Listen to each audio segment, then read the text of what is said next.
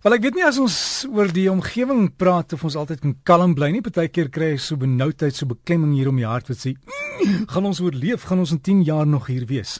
Professor Kobus van der Walt is by Noordwes Universiteit en hy het altyd sy oor op die grond en weet waar dinge gebeur. En Kobus, ek het vroegoggend gepraat oor iemand by die Verenigde Nasies. Uh, hulle het 'n groot konferensie oor klimaatsverandering. Professor daar het gesê Uh, ons moet kyk na die gemiddelde temperature en nie sommer net enige afleidings maak nie.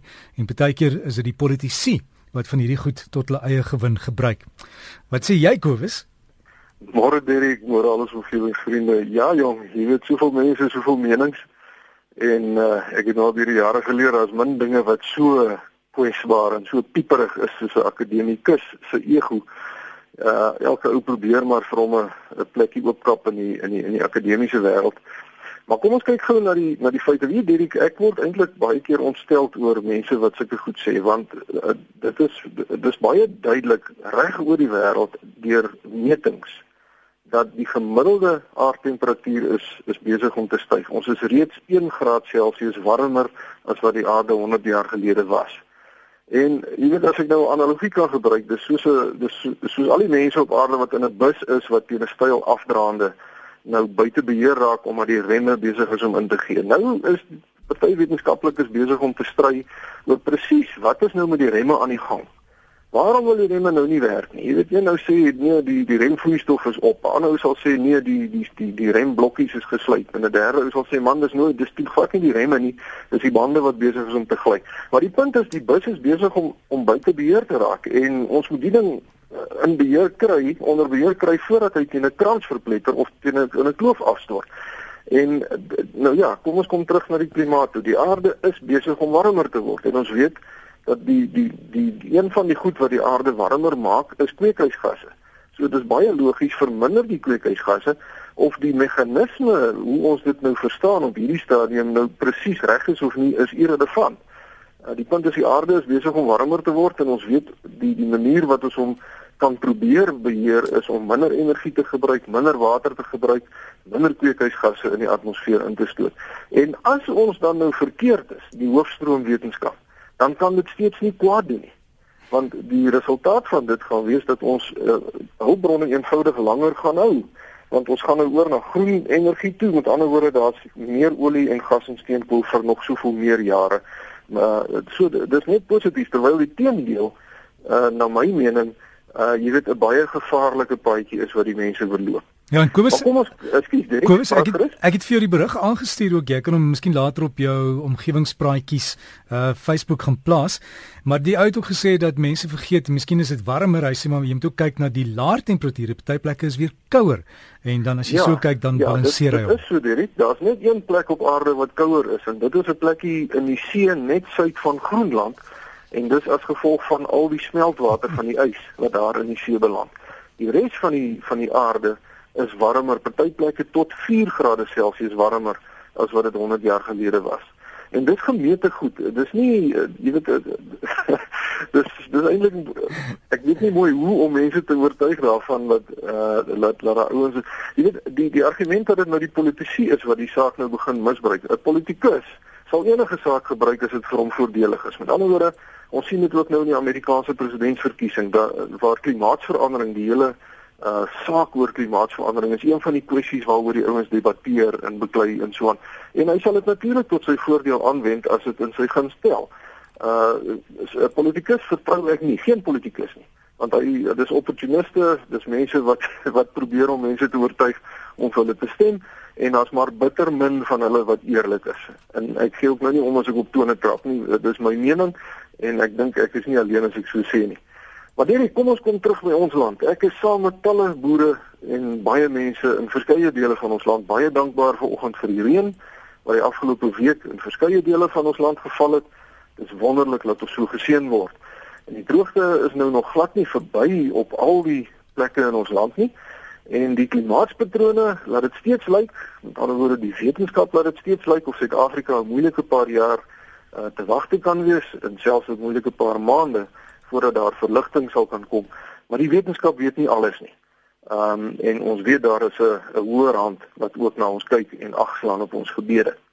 Nou net so terloops, ek wonder hoeveel mense al bereken het hoe 'n groot geskenk reënwater eintlik is. Ek het 'n sommetjie gemaak vir jaar toe dit nou so lekker begin reën om die geldwaarde van reën te bereken. Nou die stad Johannesburg se prys vir water, as mens nou meer as 40 000 liter water per maand gebruik, dan vra die stad Johannesburg R25 per kiloliter.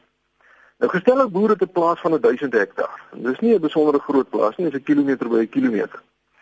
Nou as dit net 10 mm reën oor die plaas, dan is dit 'n volume water van 100 000 kubieke meter. En dit beteken die boer kry 'n gratis geskenk uit die lug uit ten bedrag van 2.5 miljoen rand. En as dit 25 mm reën op daardie 1000 hektaar plaas of in die ou taal 'n duim, dan is die waarde van die reën wat op die plaas val 6 en 'n kwart miljoen rand as die boer dit nou sou wou koop by die stad Johannesburg. Nou as mense op hierdie wyse na reën kyk, dan is mense sommer baie meer dankbaar vir hierdie gratis onderhoudstelsel wat in die aarde ingeskape is en dit plaas 'n groot verantwoordelikheid op ons almal om baie verantwoordelik met hierdie hulpbron om te gaan en nie water te mors nie. En dit bring my by 'n brief wat ek vanoggend wil behandel. Dit kom van meneer Bobby Mitchley van Stilbaai. En hy skryf hulle probeer nou sover as moontlik groen lewe, hulle bespaar krag.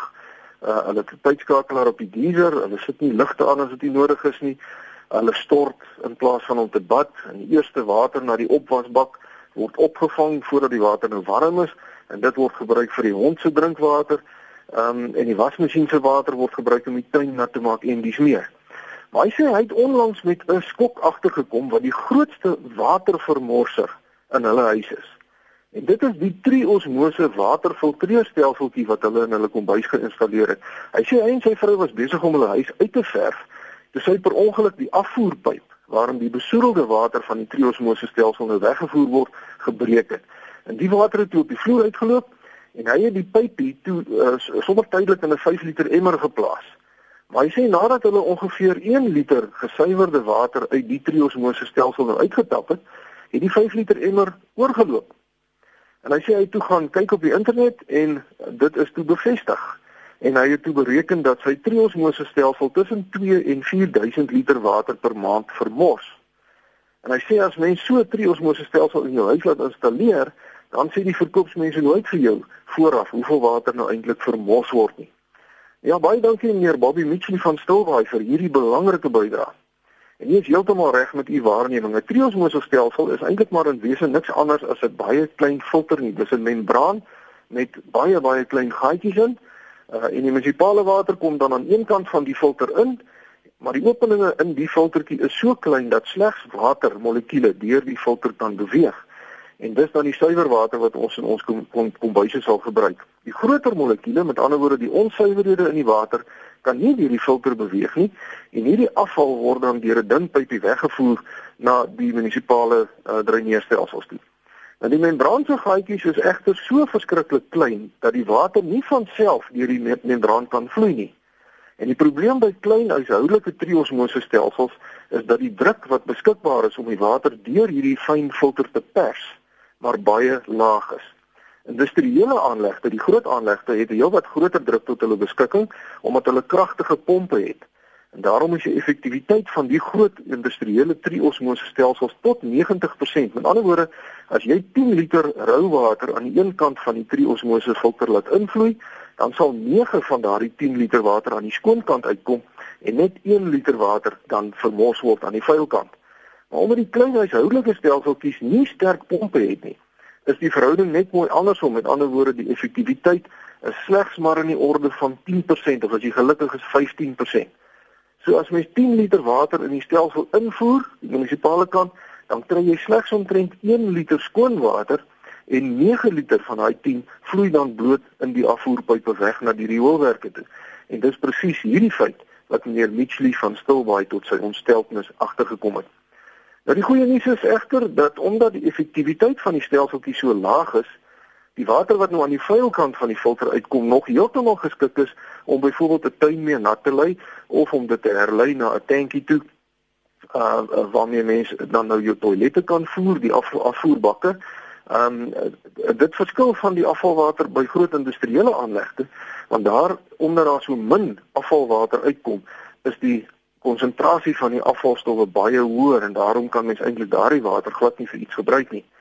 So mense wat daar wat triosmose stelsels in hulle kombuise het, moet daarom asseblief maar in die eerste plek spaarsamig met die gesuiwerde water werk. Met ander woorde, mens moet maar net genoeg water deur die suiweraar laat vloei om mee te kook en om te drink. Want vir elke liter water wat jy gebruik, is daar omtrent 9 liter wat in die afvoerpyp beland. Maar dit is natuurlik nie nodig dat daai water gemors word nie. So herlei gerus u triosmose stelsel se afvoerpypie na 'n groentetuintjie of na 'n opgaartank waaruit u grasperk kan nat lê. En dit daarmee sê ek vir al ons omgewingsvriende uh, baie uh, geseënde Saterdag en 'n lekker naweek vir almal. As u vir my wil skryf, is u baie welkom. My uh, e-posadres is kobus.vanderwalt@nwu.ac.za of u kan maar net op die Facebook bladsy van omgewingspraatjies gaan kyk. Ek plaas ook 'n hele klompie uh sake daar op die op die internet wat vir my interessant is of wat belangrik is. En daarmee sê ek vriendelike groete tot 'n volgende keer. Kom ons alles van die bes en jy sal gaan kyk na daai temperatuur dinge is net ek het nou veel gesien aan die begin en die ou wat ek dink 'n groot roerlepel omdat hy moeilikheid kry vir Kersfees gaan kry nê. Dit is ons 'n paar sulke manne en mense moet luister na wat hulle sê want nie alles wat hulle sê is nonsens nie. Ja. Maar ek dink jy weet die oorwig van getuienis is by verre dat die hoofstroom wetenskap tans die een is wat ons maar moet navolg want dit is die veilige pad om te loop. Ons kan nie bekostig om hier 'n fout te maak nie want die punt is dis nie ons wat met die gebakte pere gaan sit nie, maar ons nageslag. So gesels prof Kobus van der Walt, daai Facebook bladsy is omgewingspraatjies. en ek moet net daar gaan loer en dan die e-pos is kobus.vanderwalt by nwu.ac.za.